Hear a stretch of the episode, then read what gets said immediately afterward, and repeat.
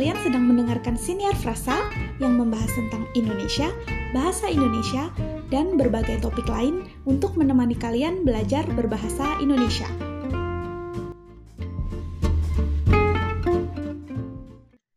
Halo teman Frasa di mana pun kalian berada, apa kabar?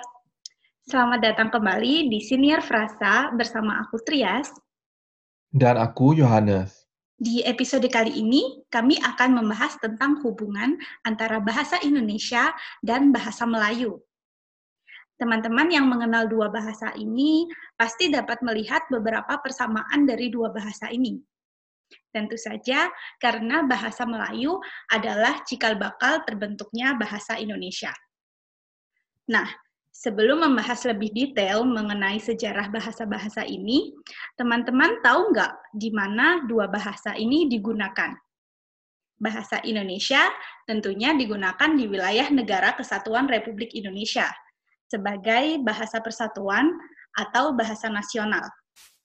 Bahasa Indonesia digunakan sebagai pengantar pendidikan, pertemuan pemerintah, bahasa di media massa, hingga digunakan untuk kehidupan sehari-hari. Sementara untuk bahasa Melayu digunakan di mana saja ya, Yo? Uh, bahasa Melayu termasuk dengan variasinya ya, digunakan berarti selain di Indonesia, itu kalau kita menghitung bahasa Indonesia sebagai salah satu variasi bahasa Melayu, digunakan juga di Malaysia tentu saja, terus di Brunei Darussalam, negara uh, di Pulau Kalimantan juga, lalu digunakan juga di Singapura, dan sedikit di selatan Thailand. Selain itu, bahasa Melayu juga diakui sebagai bahasa minoritas di Filipina, di Timur Timur juga, karena di Timur Timur juga sebenarnya bahasa sehari-hari yang digunakan uh, itu juga bahasa Indonesia ya, atau ya boleh dibilang variasi dari bahasa Melayu. Selain itu ada juga di Christmas Island atau di Cocos Island dan juga digunakan sebagai bahasa di PBB atau United Nations dalam misi perdamaian. Banyak ya bahasa bahasa Melayu dan variasinya ternyata digunakan di banyak negara. Iya, di Indonesia juga ada ya yang menggunakan bahasa Melayu seperti bahasa Melayu Riau e, di Sumatera atau biasa disebut dengan bahasa Melayu tinggi. Suku-suku Melayu di Indonesia juga merupakan populasi Melayu terbanyak kedua setelah suku Melayu yang ada di daerah Malaysia. Oke, jadi ada banyak ya uh, variasi dari bahasa Melayu ini. Gimana kalau kita bahas bagaimana sih sejarah bahasa Melayu ini, datangnya dari mana, lalu ada pengaruh apa gitu. Mungkin kamu bisa cerita sedikit. Oke, okay, sebelum kita membahas sejarah bahasa Melayu, perlu dijelaskan sedikit uh, penyebutan bahasa ini. Bahasa Indonesia yang akan kami bahas di senior episode kali ini adalah bahasa Indonesia sebagai bahasa nasional Indonesia. Sementara bahasa Melayu adalah bahasa uh, yang menjadi induk dari bahasa Indonesia. Nah, bahasa Melayu juga dikenal sebagai uh, bahasa pengantar di Malaysia. Kalau aku pribadi sih lebih lebih suka menyebut bahasa Malaysia, tapi e, ternyata setelah aku baca-baca di Malaysia sendiri lebih banyak disebut sebagai bahasa Melayu. Jadi orang Malaysia menyebutnya tetap sebagai bahasa Melayu ya, sementara di Indonesia kita memberi nama baru gitu ya, menjadi bahasa Indonesia. Mungkin nanti kita akan bahas itu juga ya. Iya, hanya untuk uh, memperjelas saja di awal sehingga nanti pemahaman akan bahasa Melayu atau bahasa Malaysia tidak rancu. Seperti makhluk hidup ya, bahasa itu mengalami perubahan dalam kurun waktu tertentu dalam satu kelompok manusia yang menggunakan satu bahasa, uh, kemudian bisa menjadi beberapa komunitas terpisah yang menggunakan bahasa yang berbeda. Nah, hal ini yang terjadi dengan bahasa Melayu. Sejarah bahasa Melayu dipercaya karena saat ini masih diteliti, uh, belum final, dipercaya berasal dari bahasa Proto-Austronesia sekitar tahun 5000 sebelum Masehi. Lama sekali ya bahasa ini sudah sudah tua gitu bahasa Melayu. Iya, menurut penelitian seperti itu. Namun karena sangat jauh uh, 5000 tahun sebelum Masehi itu kurangnya bukti-bukti uh, menjadi hambatan dalam penelitian bahasa ini. Tapi hasil rekonstruksi para ahli linguistik uh, menemukan bahwa ada beberapa kata yang memang uh, mirip dengan bahasa Melayu atau bahasa Indonesia modern yang kita gunakan sekarang. Seperti contohnya kata danau yang saat ini ditulis dengan D A N A U dulu uh, ditulis dengan D A N A W atau diucapkan ya karena dulu belum mengenal menulis. Belum mengenal tulisan ya. Iya. Mhm. Kemudian perkembangannya adalah e, menjadi bahasa Proto-Malayo-Polinesian yang dipercaya e, menjadi pecahan dari bahasa Proto-Austronesia ini di tahun 2000 sebelum Masehi. Tetap saja masih sangat jauh ya. Bahasa Proto-Austronesia ini kira-kira mulai muncul setelah leluhur orang Melayu mulai keluar dari Taiwan dan menyebar ke kepulauan-kepulauan di selatan Taiwan. Bahasa ini akhirnya terpecah menjadi bahasa-bahasa Polinesia seperti bahasa Hawaii, Tahiti, Samoa, dan terpecah menjadi bahasa Proto-Melayu yang kemudian menjadi bahasa Melayu Riau, bahasa Jawa, bahasa Batak, bahasa Dayak, bahasa Bali, dan masih banyak lainnya. Oh, jadi bahasa Melayu itu nenek moyangnya berasal dari Taiwan gitu ya? Iya. Jadi di awal tadi kita membahas bahasa Proto-Austronesia. Rumpun Austronesia kan uh, yang kita tahu sangat besar ya, mencakup suku Melayu, suku Formosan yang awalnya berasal dari daerah Taiwan, kemudian juga orang-orang Filipina dan juga orang-orang Polinesia. Jadi semua itu adalah leluhur Oke. kita. Sangat menarik. Ya, bahasa Proto-Melayu yang merupakan pecahan dari bahasa Proto-Malayo Polynesian ini kemungkinan besar diucapkan pertama kali di daerah Kalimantan sebelum akhirnya terpencar ke penjuru Nusantara. Sayangnya, rekonstruksi bahasa Proto-Melayu ini juga belum final karena masih sama alasannya karena minimnya sumber-sumber penelitian. Okay. Jadi dipercaya bahasa Proto Austronesia yang kemudian menjadi Proto-Malayo Polinesian menjadi awal mula bahasa Melayu. Nah, bahasa Melayu sendiri kan kita tahu ya, yo ada dibagi menjadi tiga kurun waktu yang berbeda, yaitu bahasa Melayu kuno, bahasa Melayu klasik, dan bahasa Melayu modern. Aku mulai dulu deh dengan bahasa Melayu kuno yaitu bahasa Melayu yang digunakan di sekitar tahun eh, 1 sampai 1400 Masehi. Perbedaan yang paling mencolok dari ketiga tipe bahasa Melayu ini adalah penyerapan kata-kata dari bahasa asing yang berbeda-beda dan juga aksara yang digunakan waktu menulis. Nah, bahasa yang akan aku bahas kali ini, bahasa Melayu kuno, mengacu pada bahasa yang kira-kira digunakan oleh orang-orang di daerah barat di Sumatera, Malaya, dan juga di Kalimantan yang dipercaya sebagai penutur awal bahasa Melayu. Ketika sudah memasuki bahasa Melayu ini, penelitian bukan lagi uh, hasil rekonstruksi bahasa, namun sudah ada bukti-bukti tertulis seperti di prasasti-prasasti bahasa Melayu ditemukan di prasasti dinasti Sailendra sejak abad 7 sampai 14 Masehi. Walaupun pada zaman itu sebenarnya lebih banyak digunakan bahasa Sanskerta. Kenapa?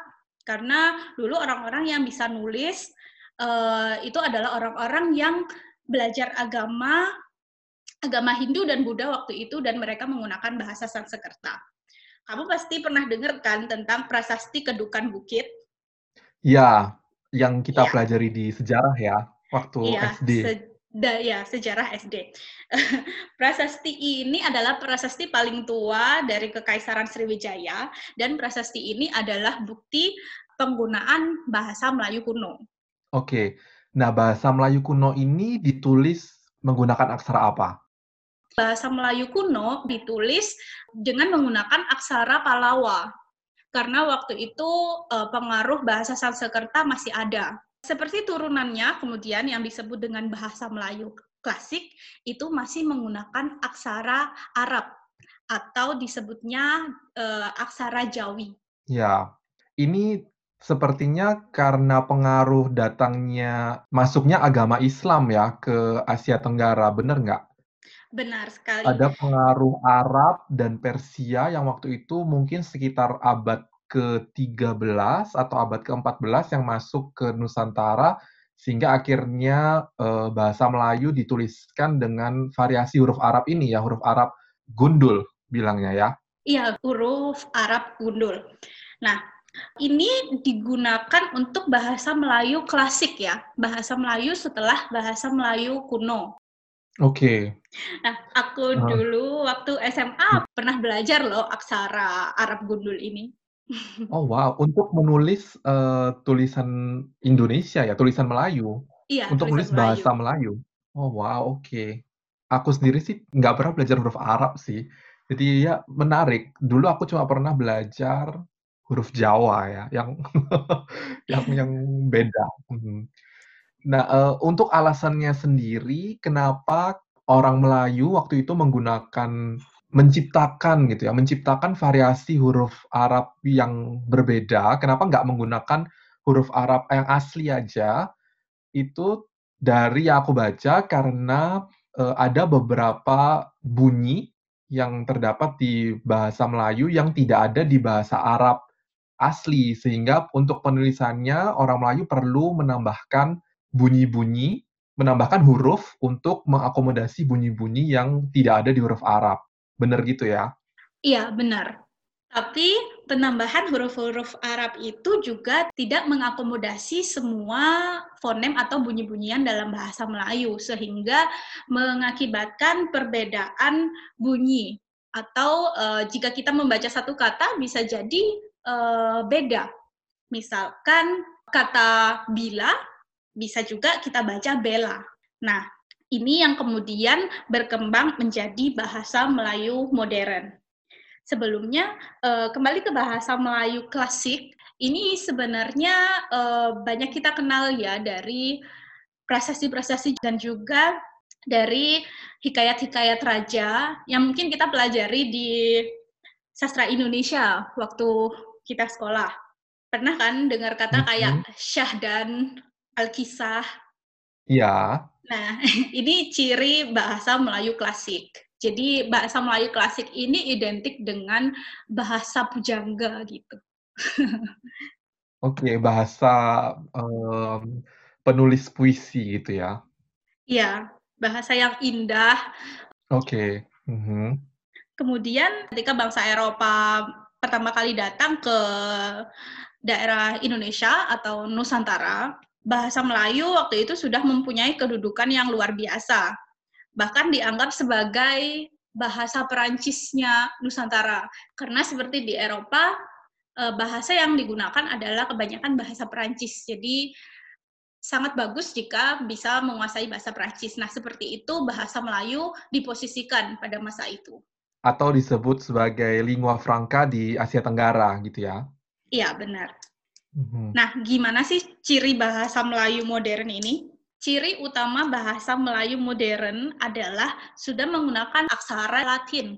Ini adalah pengaruh dari e, bangsa Eropa yang datang. Bahasa Indonesia romanisasinya dipengaruhi oleh Belanda, sementara bahasa Melayu atau bahasa Malaysia e, romanisasinya dipengaruhi oleh Inggris. Selain itu, ciri-cirinya adalah kalimat yang lebih ringkas dibanding dengan kalimat-kalimat yang digunakan pada bahasa Melayu klasik.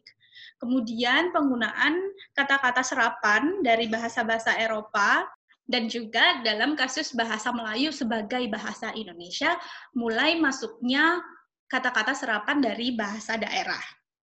Oke, uh, jadi sejak munculnya bahasa Melayu modern, aksara Jawi sudah tidak lagi digunakan atau masih digunakan sampai saat ini?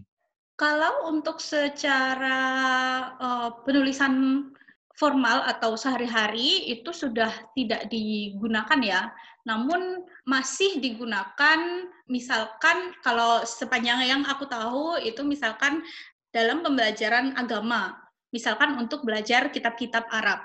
Oke. Jadi lebih digunakan untuk pendidikan agama atau keperluan religius begitu ya? Iya.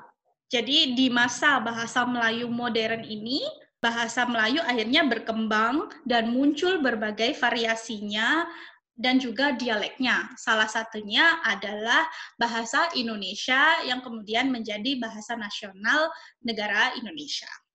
Nah, kalau sejarah bahasa Indonesia sendiri gimana, ya? Nah, sebelum kita membahas tentang sejarah bahasa Indonesia, mungkin nama Indonesia sendiri sebenarnya muncul dari mana begitu ya? Kenapa akhirnya lalu bahasa Melayu di, disebut menjadi bahasa Indonesia di Indonesia? Nah, istilah Indonesia sendiri sebenarnya muncul sekitar tahun 1800-an dan ini muncul dalam sebuah uh, majalah ilmiah tahunan yang judulnya adalah Journal of the Indian Archipelago and Eastern Asia. Di situ uh, ada seorang penulis yang bernama George Windsor Earl yang mengusulkan bahwa daerah Hindia Belanda harus memiliki nama khas. Dan dia mengusulkan nama Indonesia dengan huruf U atau Melayunesia. Nah, Indonesia sendiri berasal dari akar kata Indus atau India, dan Nesia atau Nesos yang berarti kepulauan. Jadi Indonesia sendiri berarti kepulauan India begitu. Yang kemudian akhirnya pengucapannya berubah menjadi Indonesia karena lebih mudah diucapkan. Itu di tahun 1800-an, tapi belum banyak orang yang mengenal nama Indonesia tentunya. Karena waktu itu ya hanya disebutkan di sebuah majalah ilmiah. Lalu penggunaan nama Indonesia sendiri baru dipergunakan secara lebih luas oleh Dr. Sutomo di Indonesia Studio Club pada tahun 1924. Jadi pada saat itu organisasi-organisasi di Indonesia banyak yang masih menggunakan bahasa Belanda karena kaum terpelajar di Indonesia waktu itu e, menggunakan bahasa Belanda untuk komunikasi. Namun akhirnya beberapa orang memutuskan untuk mulai menggunakan istilah Indonesia dan akhirnya mengganti nama-nama organisasi mereka seperti misalnya dari yang awalnya disebut sebagai Indische Vereniging diubah menjadi Indonesische Vereniging atau bas, atau terjemahannya adalah Perhimpunan Indonesia. Akhirnya nama Indonesia itulah yang dikenal lebih luas dan menjadi identitas kebangsaan baru. Itulah alasan munculnya nama Indonesia. Nah, lalu mulai pada Kongres Pemuda kedua yang dilakukan yang dilaksanakan pada 28 Oktober 1928, bahasa Indonesia kemudian dipilih menjadi bahasa kongres tersebut. Nah, pada saat itu banyak pihak yang bingung ya karena ya mengapa bahasa Melayu yang dipilih? Padahal orang Jawa, orang Sunda yang uh, jumlahnya jauh lebih banyak di Nusantara, tapi mengapa kok bahasa ini bukan yang dipilih? Dan untuk orang Jawa yang tidak terbiasa menggunakan bahasa berakar Melayu menjadi kesulitan. Dan pada saat kongres tersebut juga akhirnya ada beberapa kaum terpelajar yang menggunakan bahasa Belanda dalam menyampaikan pidatonya dan meminta maaf karena bahasa Melayu mereka tidak terlalu uh, lancar atau mereka tidak terlalu uh, fasih gitu ya dalam bahasa Melayu sehingga mereka menggunakan bahasa Belanda dalam menyampaikan pidatonya dan meminta maaf. Hal ini sebelumnya tidak pernah terjadi. Maksudnya menggunakan bahasa Belanda di Nusantara sebelumnya tidak pernah menjadi masalah begitu. Tapi ya karena memang bahasa Belanda saat itu digunakan oleh kaum intelek sehingga mereka lebih nyaman berbicara menggunakan bahasa Belanda. Nah, pada kongres tersebut juga pada tahun 1928 akhirnya bahasa Indonesia ditetapkan sebagai bahasa persatuan Indonesia. Meskipun sebenarnya saat itu bahasa Indonesia belum siap menjadi bahasa nasional. Bahasa Indonesia hanya digunakan dalam bentuk tulisan atau sebagai formalitas, sementara untuk percakapan sehari-hari, kaum intelek tetap menggunakan bahasa Belanda atau menggunakan bahasa daerahnya masing-masing. Nah, bahasa Indonesia yang disebut di sini itu sebenarnya adalah bahasa Melayu modern ya. Nah, mengapa bahasa Melayu modern ini akhirnya disebut menggunakan bahasa Indonesia? Alasannya sebenarnya sangat boleh dibilang politis ya, atau tujuannya adalah untuk memersatukan Nusantara atau memersatukan Indonesia ini, sehingga akhirnya bahasa Melayu modern ini tidak disebut sebagai bahasa Melayu, melainkan disebut sebagai bahasa Indonesia waktu itu. Oke, jadi bahasa Indonesia waktu itu hanya penyebutan saja gitu ya? Tapi secara teknis yang digunakan adalah bahasa Melayu modern. Iya, benar. Menarik ya. Jadi perkembangan bahasa Melayu modern di wilayah Indonesia ini e, mendorong tumbuhnya rasa persatuan bagi bangsa Indonesia. Nah, kembali ke pertanyaanmu tadi, kan banyak sekali penutur bahasa Jawa, bahasa Sunda, tapi kenapa bahasa Melayu yang digunakan sebagai bahasa nasional? Ini benar-benar pertanyaan yang bagus ya, dan memang dipertanyakan juga oleh pemuda Indonesia pada saat itu, mengapa kok bukan bahasa Jawa yang digunakan? Karena pada saat itu juga memang suku Jawa adalah suku yang paling mendominasi ya di uh, di Nusantara. Nah, pemilihan bahasa Melayu modern sebagai bahasa Indonesia itu paling tidak didasari oleh dua hal. Yang pertama adalah seperti yang sudah disebutkan sebelumnya, bahasa Melayu adalah lingua franca atau bahasa yang digunakan oleh orang antar daerah di Asia Tenggara. Jadi orang-orang yang dari berasal dari daerah yang sama akan menggunakan bahasa daerah mereka, sementara untuk berkomunikasi dengan orang dari daerah lain, orang akan menggunakan bahasa Melayu. Karena itu, bahasa Melayu dipilih menjadi bahasa di Indonesia. Selain itu, alasan yang kedua, bahasa Jawa memiliki tingkat bahasa. Hal ini jadinya berlawanan dengan prinsip yang mau diambil, yaitu pemuda Indonesia ingin mengambil suatu bahasa yang menyetarakan seluruh rakyat Indonesia. Jika kita memilih suatu bahasa yang memiliki tingkat bahasa, akhirnya mungkin akan terjadi perbedaan derajat, terjadi segmentasi sosial, dan lain-lain sehingga akhirnya bahasa Jawa tidak dipilih menjadi bahasa Indonesia meskipun penuturnya saat itu adalah yang paling banyak di Indonesia. Mungkin kita perlu sedikit jelaskan ya, apa artinya bahasa Jawa memiliki tingkat bahasa. Bisa nggak kamu jelaskan atau beri contoh tentang bahasa Jawa ini? Iya, bahasa Jawa memang memiliki tingkatan bahasa. Ada tiga jenis tingkatan yang berbeda. Yang pertama adalah bahasa Jawa ngoko atau bahasa Jawa informal atau ragam akrab. Kemudian tingkatan yang kedua adalah bahasa Jawa kromo, yaitu bahasa Jawa yang lebih sopan. Kemudian yang terakhir ada bahasa Jawa kromo inggil, yaitu tingkatan yang paling tinggi. Jadi maksudnya untuk mengucapkan satu kalimat yang sama bisa diterjemahkan menjadi tiga uh, kalimat yang berbeda begitu ya? Tergantung kepada siapa kita mau berbicara. Ya, benar. Tergantung pada siapa kita berbicara. Misalkan bahasa Jawa Ngoko, jika kita berbicara dengan teman yang akrab atau dengan orang yang lebih muda dari kita. Oke. Nah, seberapa berbeda sih sebenarnya struktur kalimat atau kata yang digunakan di bahasa Ngoko, Kromo, dan Kromo Inggil? Uh, sangat berbeda ya. Untuk mengatakan aku, aku adalah varian dari Jawa Ngoko. Kemudian kita bisa menggunakan kulo dalam uh, tingkatan yang kedua dan juga kita bisa menggunakan kawulo atau dalem untuk uh, tingkatan yang paling tinggi atau bahasa Jawa Kromo Inggil. Wah, sulit Jadi, sekali ya. Dan itu. Iya. Jadi jika memang bahasa Jawa mau digunakan sebagai bahasa persatuan, sepertinya akan lebih susah ya uh, adaptasinya untuk untuk saudara-saudara kita yang berasal dari daerah yang berbeda dan memiliki bahasa yang berbeda. Oke. Jadi memang mungkin kurang tepat jika waktu itu pemuda Indonesia memilih bahasa Jawa sebagai bahasa Indonesia karena konteksnya waktu itu mereka ingin memilih bahasa persatuan ya. Jadi keputusan pemilihan bahasa Indonesia ini sebenarnya kental sekali unsur historis dan politis pada saat itu. Ya, selain itu nah. Bahasa Melayu eh, sistem bahasanya kan lebih sederhana. Selain tidak dikenalnya tingkatan itu tadi, juga tidak ada eh, perbedaan misalkan dalam bahasa-bahasa Eropa konjugasi kata kerja seperti itu kan tidak ada. Jadi Iya. tergolong bahasa yang mudah. Jadi memudahkan juga ya untuk orang yang bukan yang bahasa ibunya bukan bahasa Melayu, mereka bisa belajar bahasa Melayu dengan dengan relatif cepat. Iya, benar.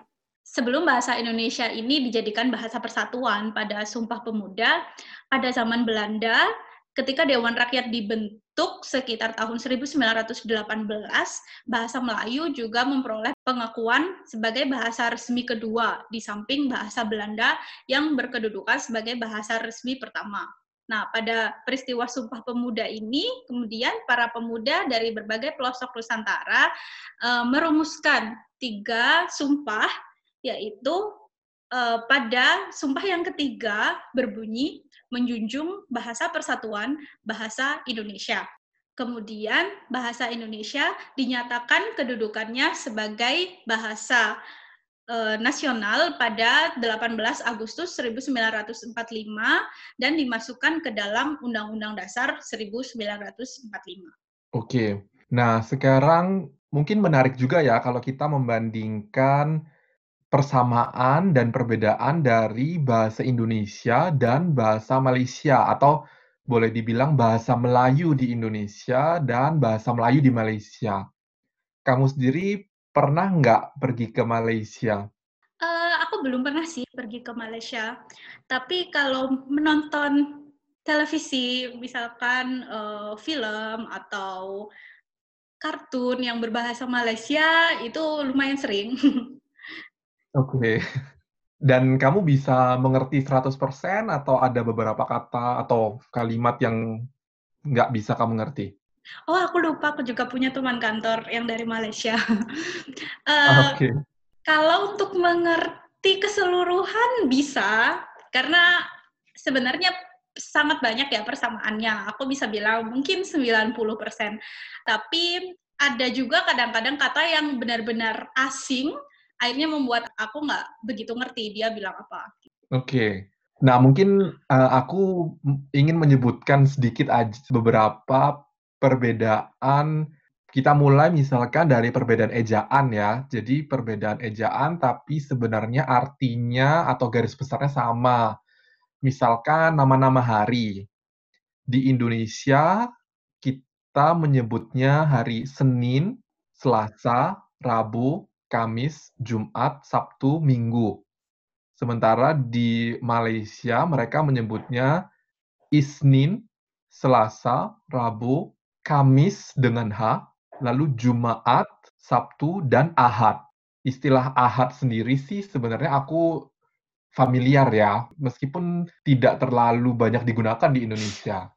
Ya, dari contoh yang kamu sebutkan tadi, itu lebih banyak pengaruh dari uh, romanisasi huruf Arab yang sebelumnya. Jadi uh, Isnin, sementara di Indonesia sudah diadaptasi yang kemudian menjadi Senin perbedaan ejaan lainnya, teman-teman tadi ingatkan kalau Indonesia dan Malaysia diduduki oleh negara yang berbeda. Kemudian negara-negara ini mempengaruhi sistem ejaan dari bahasa Indonesia atau bahasa Malaysia. Contohnya misalkan kata cucu. Cucu dalam ejaan bahasa Indonesia ditulis CU, CU, Sementara dalam bahasa Malaysia ditulis CHU, CHU. Ini adalah pengaruh ejaan dari Inggris. Sebenarnya penulisan CU-CU ini juga tergolong baru ya, atau maksudnya ejaan yang terbaru di Indonesia. Sebelumnya Indonesia juga menuliskannya dengan ejaan Belanda, yaitu T-J-O-E, T-J-O-E. Begitu ya? Iya, benar. Benar, itu ejaan bahasa Indonesia pertama kali uh, yang disusun oleh Van Ovisen, uh, semoga bacanya benar, sebagai peralihan dari bahasa Melayu modern yang masih menggunakan aksara Jawi. Ya, selain itu pengaruh bahasa Belanda di Indonesia dan pengaruh bahasa Inggris di Malaysia juga terlihat di beberapa kata asing, misalkan di kata televisi misalnya, yang di Indonesia dieja sebagai T-E-L-E-V-I-S-I, Sementara di Malaysia mereka menyebutnya dengan television yang ditulis sebagai T-E-L-E-V-I-S-Y-E-N yang pengucapannya mirip dengan uh, bahasa Inggris ya. Selain itu juga ada kata misalnya universitas, komunitas, yang di Indonesia kita menggunakan akhiran tas yang berasal dari bahasa Latin, sementara di Malaysia mereka menggunakan kata university, community dengan akhiran huruf i, bukan huruf y, tapi yang pengucapannya jadi lebih mirip ke bahasa Inggris ya.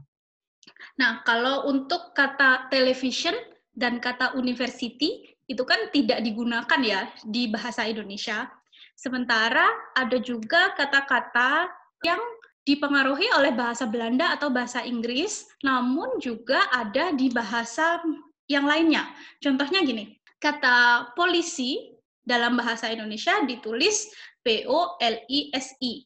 Sementara dalam bahasa Melayu atau bahasa Malaysia dibaca dan ditulis polis P O L I S. Nah, kata polis, P-O-L-I-S ini juga ada dalam bahasa Indonesia, tapi artinya policy atau kebijakan atau biasa digunakan di bidang asuransi. Nah, kalau misalkan kata-kata yang seperti ini yang biasanya membuat kita bingung ya. Iya, kata-kata yang sepertinya sama ternyata artinya berbeda. Iya, dan bisa berbeda hmm. sangat jauh. Iya. Contoh lain kalau bahasa Malaysia-nya tas, kamu tahu nggak yo? Nggak tahu sih, tapi aku nebak ya. Mungkin bag, B-E-K? Uh, bukan B-E-K, tapi B-E-G. Ah, oke. Okay. Ya, tuh bacanya bag. Jadi uh, tas okay. di dari kata bahasa Belanda dan bag dari bahasa Inggris. Kalau bensin, bahasa Malaysia-nya apa? Bensin uh, melihat dari pembicaraan kita sih sepertinya ini akan mengarah ke bahasa Inggris, jadi bensin it, petrol? Iya benar, petrol. terakhir deh, terakhir. Mm-hmm. Uh, bahasa Malaysianya rumah sakit. Uh, hospital, kalau ini aku tahu. Mereka menyebutnya hospital. ya, jadi banyak pengaruh bahasa Inggris ya. Iya. Selain itu banyak juga Eh, kata-kata di bidang otomotif yang sering kali datang dari bahasa Belanda untuk bahasa Indonesia, sementara datang dari sementara untuk bahasa Malaysia banyak kata-kata yang digunakan uh, dari bahasa Inggris. Misalkan kata persneling dalam bahasa Indonesia itu berasal dari kata dari bahasa Belanda, sementara di bahasa Inggrisnya kamu tahu mereka menggunakan kata apa? Mereka menggunakan kata gear, G E A R. Ah, penulisannya pun G-E-A-R. Aku kira ada ya, gear. penulisannya tetap menggunakan uh, penulisan bahasa Inggris. Selain itu, kata kopling. Kopling yang dalam bahasa Inggris disebut clutch, itu untuk orang Indonesia kita menggunakan kata kopling yang berasal dari uh, bahasa Belanda, sementara untuk orang Malaysia mereka menggunakan kata klak, K-L-A-C, yang diambil dari kata clutch. Ah. Selain itu juga ada kata sikring yang juga kita ambil dari bahasa Belanda. Orang Malaysia menyebutnya dengan kata fuse, F-I-U-S, yang berasal dari bahasa Inggris lagi-lagi, yaitu fuse, F-U-S-E. Oke, jadi ada yang disesuaikan penulisannya, tapi ada juga yang serta-merta diambil gitu ya? Iya. Nah, selain itu bahasa asing lain yang mempengaruhi juga ada bahasa Portugis. Bahasa Portugis ini mempengaruhi bahasa Indonesia dan bahasa Malaysia. Tapi anehnya bahasa ini tidak mempengaruhi dua bahasa secara langsung. Misalkan eh, kata sepatu yang kita gunakan dalam bahasa Indonesia berasal dari bahasa Portugis sapatu.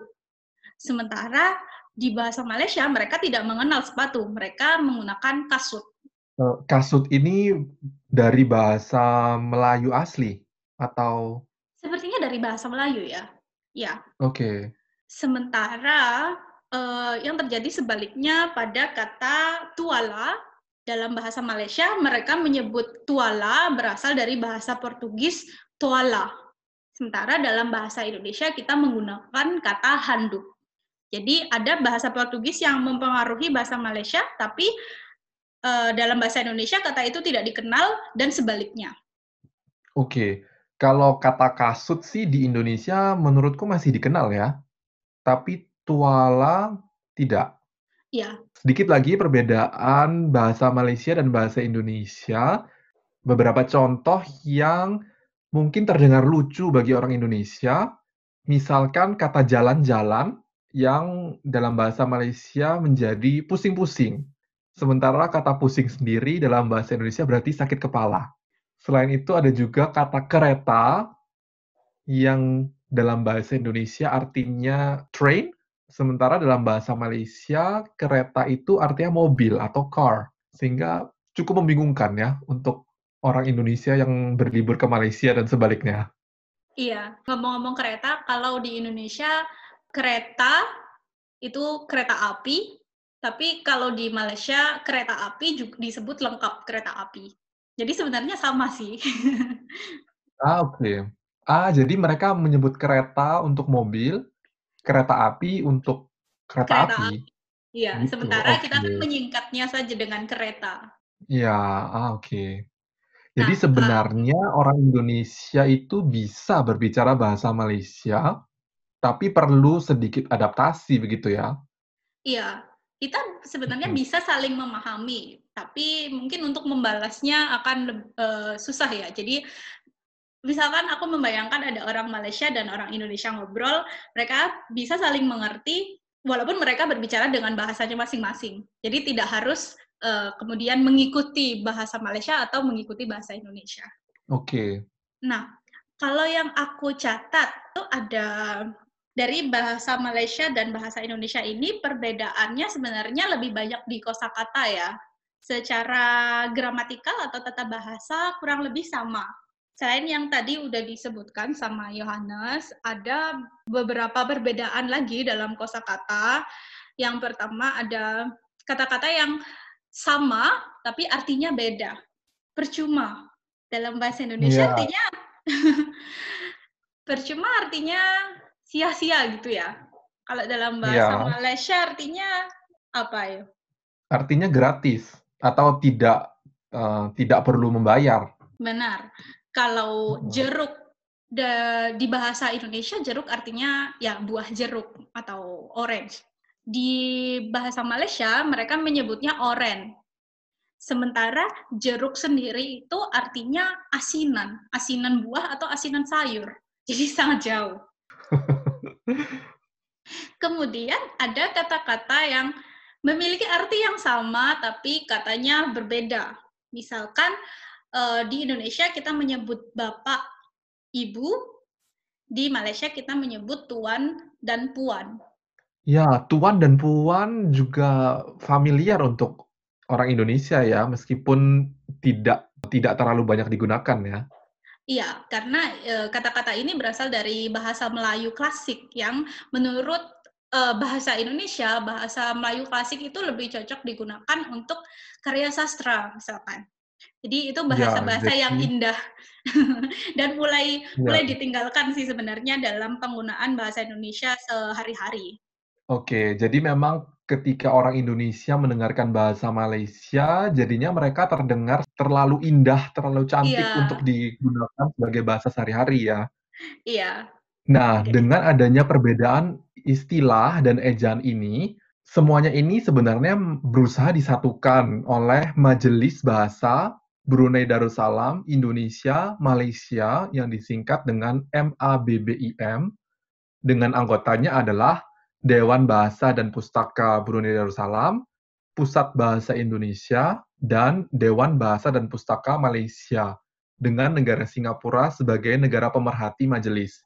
Jadi meskipun ada perbedaan istilah ini, masih ada badan yang mengontrol dan mengawasi supaya orang-orang dari negara-negara yang disebutkan tadi bisa masih bisa saling mengerti ya. Iya, Oke, uh, pembahasan terakhir kita hari ini adalah penyebutan bahasa Indonesia sebagai salah satu dialek bahasa Melayu. Menurutmu gimana yuk? Kamu setuju nggak kalau bahasa Indonesia itu disebut hanya sebagai dialek bahasa Melayu? Uh, gimana ya? Sebenarnya menurutku ya benar sih bahasa Indonesia sebenarnya adalah dialek Melayu karena memang seperti yang tadi sudah disebutkan, penamaan bahasa ini menjadi bahasa Indonesia sebenarnya memiliki alasan yang lebih ke arah politis atau untuk alasan persatuan waktu itu. Jadi, aku sendiri sih setuju jika bahasa Indonesia disebut sebagai dialek Melayu. Kalau kamu sendiri gimana? Benar sih, bahasa Melayu adalah induk dari bahasa Indonesia dan bahasa Indonesia uh, adalah secara teknis bahasa Melayu modern dan bahasa Indonesia diambil dari dialek regional uh, bahasa Melayu Riau yang berkembang di Sumatera waktu itu. Namun perkembangannya menjadikan bahasa Indonesia ini sebagai bahasa sendiri, bukan hanya dialek. Sama juga seperti bahasa Betawi yang dulunya hanya bahasa Kreol Melayu kemudian menjadi bahasa sendiri karena dalam tata bahasa, dalam kosakata banyak sekali perkembangannya.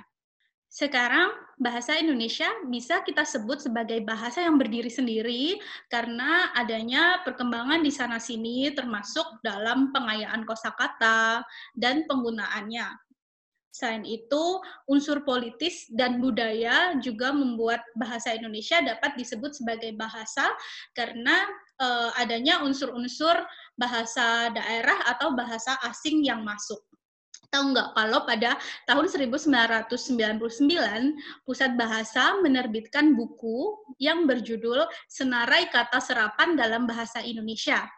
Isinya sangat menarik dan ulasan di dalamnya mengatakan bahwa ada 10 donor bahasa Indonesia yang paling besar, yaitu kata-kata dari Belanda, Inggris, Arab, Sanskerta, Cina atau Mandarin, Portugis, Tamil, Parsi, dan Hindi. Ini tidak termasuk dengan kata-kata bahasa daerah seperti bahasa Jawa, bahasa Sunda, atau bahasa-bahasa lain yang kemudian masuk diadopsi atau diadaptasi uh, menjadi kosakata bahasa Indonesia. Oke. Okay. Dan pada 2007 terbit kamus etimologi uh, yang berjudul Loan Words in Indonesian and Malay yang pembagiannya hampir mirip ya. Banyak uh, donor bahasa yang masuk ke bahasa Indonesia atau bahasa Malaysia yang kemudian menjadikannya bahasa sendiri bukan hanya dialek bahasa Melayu. Uh, di buku ini ditambahkan bahasa Jepang uh, yang juga mempengaruhi bahasa Malaysia. Nah, benang merah dari kedua buku ini adalah banyak sekali aspek uh, di luar bahasa Melayu yang mempengaruhi uh, bahasa Melayu itu kemudian berkembang menjadi bahasa Indonesia dan bahasa Malaysia yang kita kenal dan kita gunakan sekarang ini.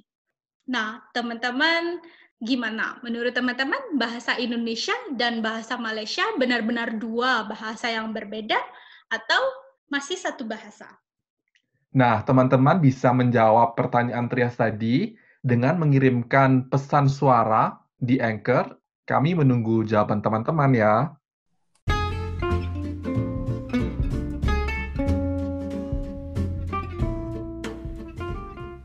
Ungkapan minggu ini.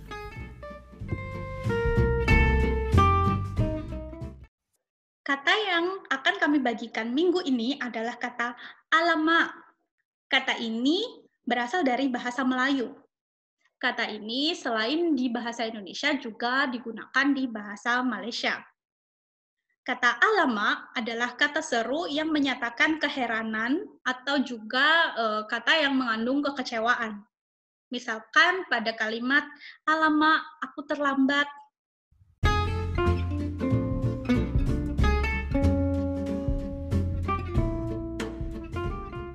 rekomendasi minggu ini.